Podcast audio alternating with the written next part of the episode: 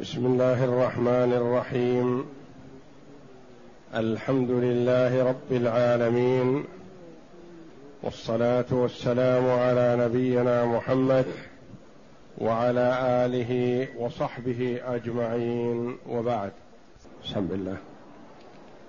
أعوذ بالله من الشيطان الرجيم. وإذا قيل لهم تعالوا يستغفر لكم رسول الله لووا رؤوسهم ورأيتهم يصدون وهم مستكبرون. سواء عليهم أستغفرت لهم أم لم تستغفر لهم لن يغفر الله لهم. إن الله لا يهدي القوم الفاسقين. حسبك. هاتان الآيتان الكريمتان من سورة المنافقون. جاءتا بعد قوله جل وعلا واذا رايتهم تعجبك اجسامهم وإن يقولوا تسمع لقولهم كأنهم خشب مسندة يحسبون كل صيحة عليهم هم العدو فاحذرهم قاتلهم الله أنا يؤفكون وإذا قيل لهم تعالوا يستغفر لكم رسول الله لووا رؤوسهم. الآيتين. هاتان الآيتان. وما قبلهما. وما بعدهما.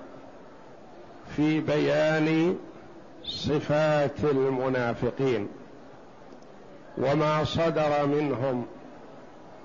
نحو النبي صلى الله عليه وسلم من الاتهام بالكذب وما صدر منهم نحو الصحابة رضي الله عنهم من الاستهزاء بهم والسخرية بهم والتنقص لهم وهم خيار الأمة رضي الله عنهم وأرضاهم إذا خلا بعض المنافقين ببعض بدأوا يقولون ما عندهم ويظهرون نفاقهم وكراهيتهم لرسول الله صلى الله عليه وسلم ولصحابته الكرام. ويظنون من جهلهم أن الله لا يعلم بما يصدر منهم وهو جل وعلا لا تخفى عليه خافية. يعلم الشيء قبل أن ينطق به الإنسان. يعلم ما في نفسه قبل أن يتكلم به. ويعلم جل وعلا ما هو قائل وما هو فاعل قبل أن يقول ويفعل. فهو جل وعلا علم الأشياء قبل أن يخلق السماوات والأرض بخمسين ألف سنة. وكان عرشه على الماء. يعلم أحوال عباده. ومتى وجودهم ومتى موتهم وماذا يصدر منهم يعلم هذا قبل أن يخلق الخلق بخمسين ألف سنة. فلا تخفى عليه خافية.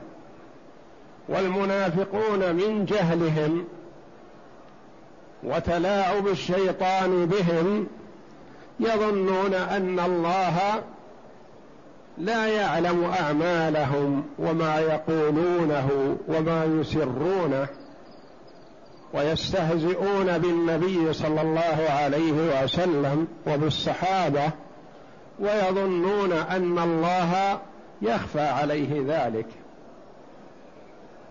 هذا الأمر وإن خفي على الرسول صلى الله عليه وسلم وخفي على الصحابة رضي الله عنهم فهو لا يخفى على الله. والله جل وعلا يمهل ولا يهمل ويستر على عبده أحيانا لعله يتوب لعله يرعوي لعله يرجع إلى الله جل وعلا فيستغفر فالله يستر عليه فإذا تمادى في غيه وجهله وضلاله فضحه الله جل وعلا وأخذه أخذ عزيز مقتدر. يمهل سبحانه ولا يهمل فهو يملي للظالم والله جل وعلا مطلع على ظلمه وفعله يملي له ولا يمهله سبحانه. فذكر جل وعلا من صفاتهم أنهم إذا قيل لهم تعالوا يستغفر لكم رسول الله لووا رؤوسهم. قيل لعبد الله بن أبي بن سلول الذي هو رأس المنافقين يا أبا الحباب إنه نزل فيك وفي قومك وفي صحبك آيات عظام فاذهب إلى رسول الله صلى الله عليه وسلم واطلب منه أن يستغفر لك لعل الله أن يغفر لك. ويمجدونه ويكنونه يا أبا الحباب وهو رأس المنافقين. فماذا قال؟ قال أمرتموني أن أؤمن فآمنت. ما آمن؟ لكنه بلسانه. وأمرتموني أن أعطي زكاة مالي فأعطيت. وما بقي عليكم إلا أن تأمروني أن اسجد لمحمد ما أنا بذاهب والعياذ بالله. وسخر منهم ولم يقبل ولو ذهب لكان خيرا له.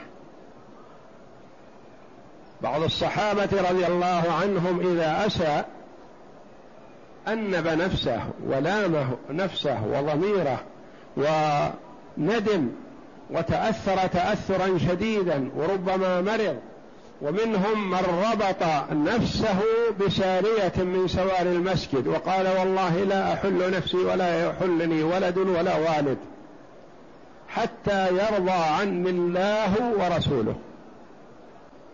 ومنهم من إذا شعر بشيء ما مرض مرضا شديدا حتى إنه يعاد. يقول لأني تكلمت أو رفعت صوتي عند النبي صلى الله عليه وسلم فأخشى أنه حبط عملي. هؤلاء قلوبهم مؤمنة ومضيئة بنور الإيمان ويحاسبون أنفسهم لما يصدر منهم. يحصون الصغائر والكبائر ويرجعون إلى الله ويندمون. وهكذا المؤمن وأما الفاجر والمنافق والعياذ بالله فهو تصدر منه الأفعال العظام ولا يبالي بها. ويرى أنه متمتع بصحته وعافيته وقوته وجبروته وأنه لا أحد أقوى منه. وإن لم يكن أحد أقوى منه من الخلق فالخالق جل وعلا أقوى من الجميع. فأبى أن يذهب إلى الرسول صلى الله عليه وسلم ليستغفر له لأنه قال قولا شنيعا قال ما مثلنا ومثل هؤلاء يعني الصحابة رضي الله عنهم مع النبي صلى الله عليه وسلم إلا كمثل قول القائل سم من كلبك يأكلك. هؤلاء آويناهم ونصرناهم وواسيناهم بأموالنا ثم تكبروا علينا. من جهله وغطرسته وإلا فقد جاءهم النبي صلى الله عليه وسلم بالخير العظيم. جاءهم بسعادة الدنيا والآخرة. وما ذاك إلا بتوفيق الله جل وعلا لهم. وهجرة النبي صلى الله عليه وسلم إليهم شرف لهم. يقول الله جل وعلا وإذا قيل لهم يعني للمنافقين تعالوا يستغفر لكم رسول الله. لأن الله جل وعلا يقول ولو أنهم إذ ظلموا أنفسهم جاءوك فاستغفروا الله واستغفر لهم الرسول لوجدوا الله توابا رحيما. فالمسلمون في عهد النبي صلى الله عليه وسلم من حصل منه شيء ما ذهب إلى الرسول صلى الله عليه وسلم فقال يا رسول الله طهرني. إن كان يستدعي حدا أو تاديبا وإلا قال استغفر لي. أنا تائب أنا مستغفر أنا رجاع أنا نادم على ما صدر مني ويعترف. والتائب من الذنب كمن لا ذنب له. مهما عمل العبد من العظائم والجرائم في حال الدنيا إذا تاب وهو في حال صحته وصحة قبول التوبة منه قبل الله جل وعلا توبته. كما قال تعالى قل يا عبادي الذين أسرفوا على أنفسهم لا تقنطوا من رحمة الله. إن الله يغفر الذنوب جميعا. إنه هو الغفور الرحيم. وأنيبوا إلى ربكم وأسلموا له. لا تتمادى في غيك وتقول الله غفور رحيم. وإنما أنب إلى الله وأبشر. اترك الذنب وتب إلى الله وأبشر بالمغفرة. أيقن من ربك بالمغفرة.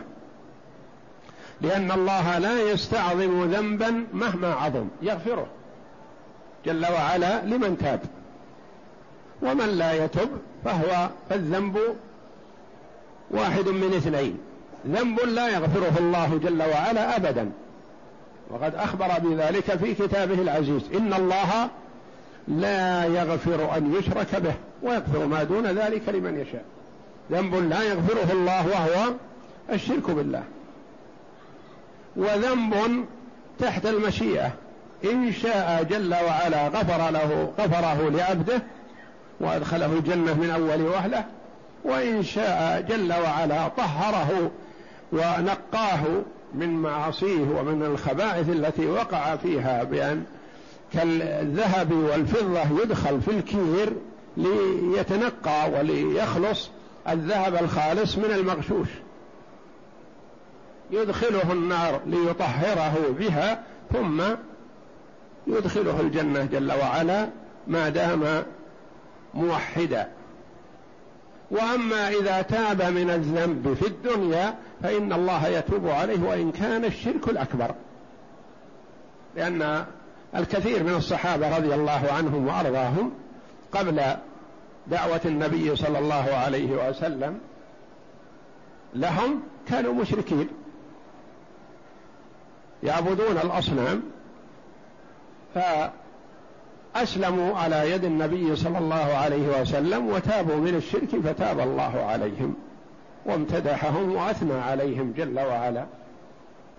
وإذا قيل لهم للمنافقين تعالوا يستغفر لكم رسول الله لووا رؤوسهم استكبارا لواها. يعني كأنه غير مقتنع من هذا الكلام وغير راض به.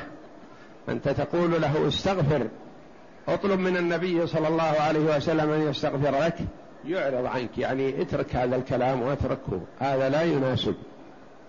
فيعرض دلالة على عدم الرضا بما تقول. لووا رؤوسهم لووا فيها قراءتان سبعيتان قراءة الجمهور بالتشديد لووا وقراءة أخرى سبعية لووا بالتخفيف. لووا رؤوسهم إعراضا وكراهية لما قيل لهم. ورأيتهم يصدون. لووا رؤوسهم بالفعل وصدوا وأعرضوا بعدم القبول وعدم الاستجابة لما قيل لهم.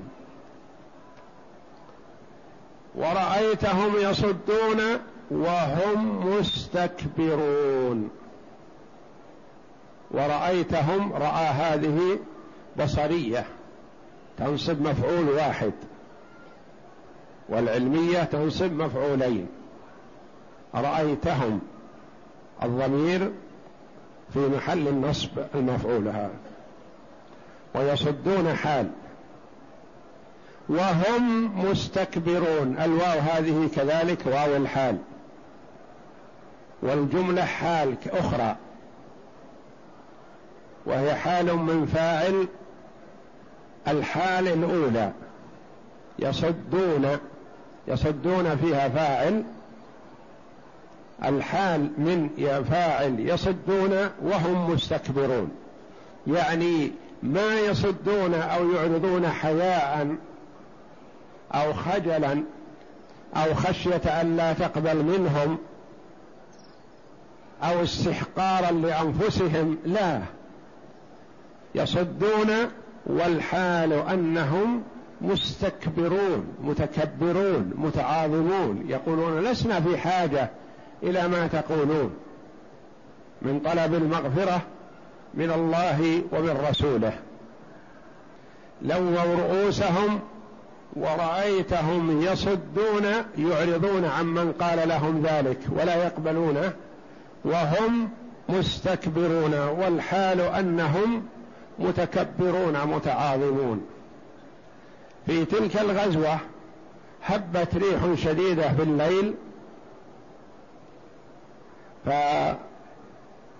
فضاعت فيها ناقة رسول الله صلى الله عليه وسلم.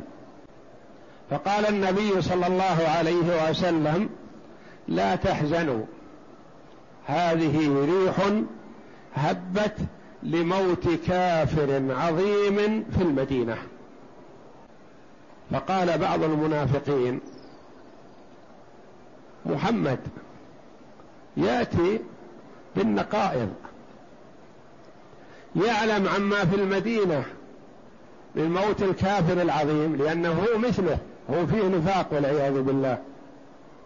يعلم عن موت الكافر العظيم في المدينة وربما يكون حزن له. قالوا من هو؟ فسماه لهم عليه الصلاة والسلام. يعلم عن موت الكافر في المدينة ولا يعلم عن ناقته أين هو؟ أين هي؟ ناقته التي وبيح أمس الحاجة إليها ضاعت. فجاء جبريل عليه الصلاة والسلام إلى النبي صلى الله عليه وسلم وقال إن فلانا المنافق يقول كذا وكذا. وان ناقتك في شعب كذا. أمسك بها غصن شجرة هناك. فدعا النبي صلى الله عليه وسلم الرجل الذي قال وتكلم وقال قلت كذا وكذا. والمنى والكافر الفاجر الذي مات بالمدينة هو فلان ابن فلان. وستجده إذا ذهبت إلى المدينة. أضبط التاريخ وتجده. ما قال له النبي صلى الله عليه وسلم هذا الكلام الذي أقول هو أضبط التاريخ ونحو ذلك. وإنما قال له مات في هذا اليوم. وناقتي خذوها. اذهبوا إليها في شعب كذا مسكها غصن شجرة فوقفت. فذهبوا فوجدوا الناقة في المكان الذي ذكر لهم النبي صلى الله عليه وسلم. ورجعوا للمدينة فوجدوا الرجل الفاجر اليهودي مات تلك الليلة. فعند ذلك جاء هذا الذي قال هذا القول حيث أن الله أراد له خيرا فشهد أن لا إله إلا الله حقا وأن محمدا رسول الله وآمن بالله ورسوله فقبل الله منه. وبعض الكلمات تصدر من بعض الأشخاص فتكون وإن كانت كلمات سيئة فتكون مدعاة لتوبته ورجوعه واعترافه بخطأه لأن من أراد الله جل وعلا له خيرا وفقه للخير بأي وسيلة شاءها. وبعض الناس يقع في المعاصي فيبتلى ببلية فتكون سببا لتوبته. وبعض الناس يكون مقصر في طاعة الله جل وعلا فيبتلى بفقد حبيب له وموته. فيكون ذلك سببا لتوبته وندمه ورجوعه إلى الله. وبعض الناس والعياذ بالله لا لا تزيده البينات والعظات إلا ضلالا واستكبارا واعراضا عن الله وعن رسوله صلى الله عليه وسلم. لووا رؤوسهم ورأيتهم يصدون وهم مستكبرون. سواء عليهم أستغفرت لهم. اقرأ. يقول تعالى مخبرا عن المنافقين عليهم لعائن الله أنهم إذا قيل لهم تعالوا يستغفر لكم رسول الله لووا رؤوسهم أي صدوا وأعرضوا عما قيل لهم استكبارا عن ذلك واحتقارا لما قيل لهم. ولهذا قال الله تعالى ورأيتهم يصدون وهم مستكبرون. ثم جازاهم على ذلك فقال تعالى سواء عليهم أستغفرت لهم أم لم تستغفر لهم. سواء عليهم. يعني هؤلاء نظرا لكونهم ضلال. فسواء استغفرت لهم أم لم تستغفر لهم لن يغفر الله لهم. لأنهم ما آمنوا بالله ولا برسوله. لأن الله يعلم ما في قلوبهم. حتى ولو جاءوا إلى النبي صلى الله عليه وسلم وقالوا استغفر لنا فالله يعلم من نفوسهم أنهم كذبة. ما جاءوا عن إيمان وتصديق وإنما مجاراة للناس وطاعة لمن أمرهم بذلك. فقلوبهم لا يعلم ما فيها إلا الله. وإنما الذي يظهر منهم ظاهرا يعلمه الناس. فحتى لو جاءوا واستغفروا واستغفرت لهم الله جل وعلا يعلم ما في قلوبهم فلا يغفر لهم. لأن الله جل وعلا يغفر لعبده إذا تاب وأناب إذا رجع. إذا استغفر حقيقة ما بلسانه. لأن الاستغفار باللسان وحده بدون تواطؤ مع القلب لا شيء ولا قيمة له. يقوله المؤمن والمنافق والكافر. ما ينفعه. وإنما الذي ينفع هو ما في القلب. واعتراف المنافق بما يلزم به كذلك عن غير إيمان بقلبه لا ينفعه. فعبد الله بن أبي هذا اللعين وقف له ابنه عبد الله ابن عبد الله بن أبي رضي الله عنه من خيار الصحابة رضي الله عنه ابنه من الفضلاء المؤمنين. وقف له في طريق المدينة لما أراد الدخول قال والله لا تدخل. يقوله لأبيه والله لا تدخل حتى تعترف أنك أنت الأذل وأن الرسول صلى الله عليه وسلم هو الأعز. حينما قال ليخرجن الأعز منها الأذل يعني الأعز نفسه والأذل يعني الصحابة والرسول عليه الصلاة والسلام ورضي الله عنهم. والله لا تدخل. فاعترف. بماذا؟ بلسانه. فأذن له النبي صلى الله عليه وسلم قال لعبد الله الإبن قل له خل دعه يدخل. وجاء هذا الخير فقال يا رسول الله مرني إن شئت أن أقتل أبي. قال وتحب ذلك؟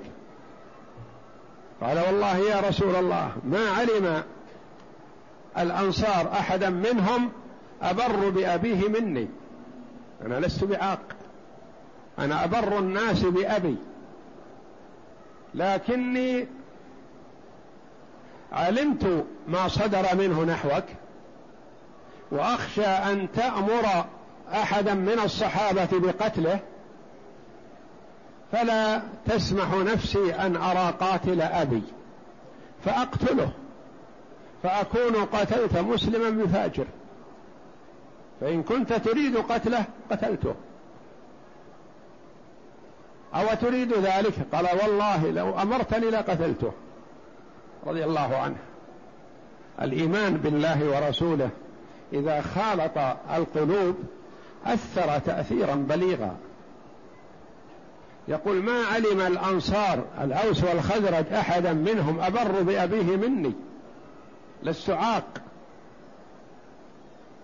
ولا أحب ذلك لكن أخشى ما يترتب على هذا أن تغضب عليه لأنه يقول العظائم وهي رأس المنافقين.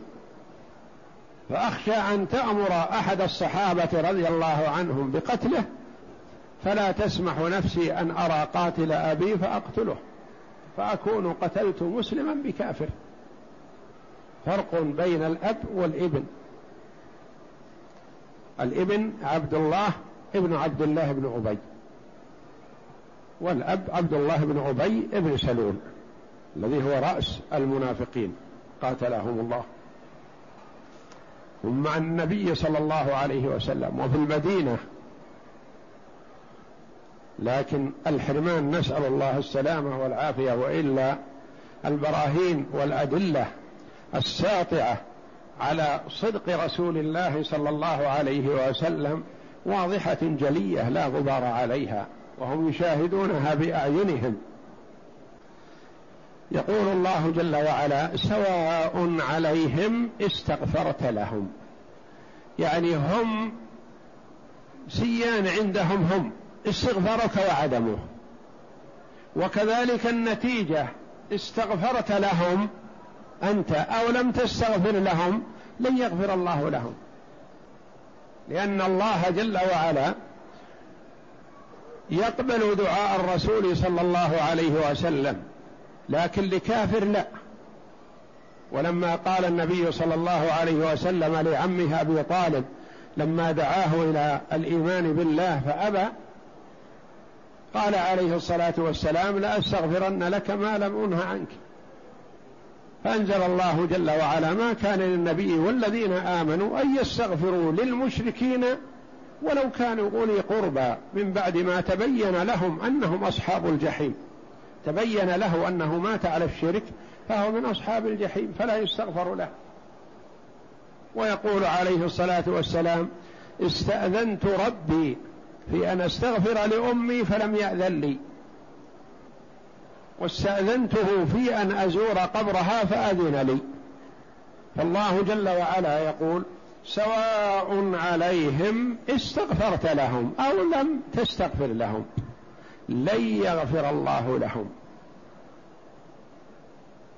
كأن قائلا يقول يا رب ولم قال إن الله لا يهدي القوم الفاسقين. الذين توغلوا في الفسق والفسق هو الخروج عن الطاعة ولهذا يقال للفأرة فويسقة لأنها تحاول التخريب والفساد في البيت الذي تحل فيه. إن الله لا يهدي لا يوفق القوم الفاسقين الذين خرجوا عن طاعة الله جل وعلا واستحبوا ومالوا إلى المعصية. وفرق عظيم بين أن يستحسن المرء طاعة الله جل وعلا فيسعى جاهدا فيها وبين والعياذ بالله أن يستمرئ ويستحسن المعصية ويسعى جاهدا فيها. والله جل وعلا أقام الحجة على الخلق. أرسل الرسل وأنزل الكتب وبين الأمور كما هي. وتركنا رسول الله صلى الله عليه وسلم على المحجة البيضاء ليلها كنهارها لا يزيغ عنها إلا هالك. فالسعيد من وفقه الله والعبد يسأل الله جل وعلا باستمرار يتضرع إلى الله جل وعلا خشية من الزيغ والضلال والعياذ بالله. يسأل الله الثبات وكان من أكثر دعاء النبي صلى الله عليه وسلم يا مقلب القلوب ثبت قلبي على دينك. وسألته أم المؤمنين أو تخشى يا رسول الله؟ قال أو ما علمت أن قلوب العباد بين أصبعين من أصابع الرحمن؟ إذا أراد أن يقلب قلب عبد على قلبه. والرسول صلى الله عليه وسلم يعلم أمته في هذا ويقول عليه الصلاة والسلام ألظوا بيا ذا الجلال العبد ربه باستمرار التوفيق والسداد والإلهام للرشد والبعد عن المعصية والاستعانة به على تذليل وتسهيل الطاعة وتحبيب الإيمان إلى القلب. هذا من الله جل وعلا. فيسأل الله باستمرار أن يثبته بالقول الثابت في الحياة الدنيا وفي الآخرة. ويسأل الله أن يحفظه من المعاصي. يسأل الله أن يغفر له ما مضى من معاصيه وأن يحفظه فيما بقي من عمره. وإن حصل منه زلة أو ذنب أسرع بالتوبة والإستغفار والندم والله جل وعلا يتوب على من تاب. اقرأ. ثم جازاهم على ذلك فقال تعالى سواء عليهم أستغفرت لهم أم لم تستغفر لهم لن يغفر الله لهم. إن الله لا يهدي القوم الفاسقين. كما قال في سورة براءة وقد تقدم الكلام على ذلك. وهذه السورة العظيمة تسمى سورة المنافقين والله جل وعلا فضحهم في هذه السورة وفي سورة براءة لأن سورة براءة من آخر ما نزل من القرآن ففيها الفضائح للمنافقين لما يصدر منهم من الأعمال السيئة والظن السيء بالله جل وعلا تعالى الله عما يقولون علوا كبيرا. والله أعلم وصلى الله وسلم وبارك على عبد ورسول نبينا محمد وعلى آله وصحبه أجمعين.